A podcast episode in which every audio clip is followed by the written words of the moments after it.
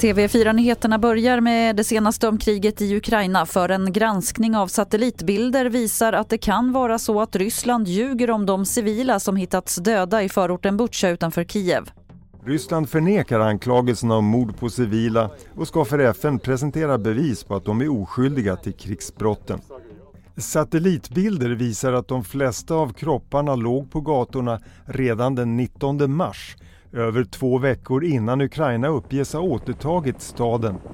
Trots krigsbrotten talar Zelensky fortfarande om en möjlig fred. Samtalen med Ryssland ska fortsätta. Reporter här var Christian Wigart. Idag ska Ukrainas president Volodymyr Zelensky tala i FNs säkerhetsråd. I ett tal i natt sa han att han vill se en noggrann granskning av dödandet av civila.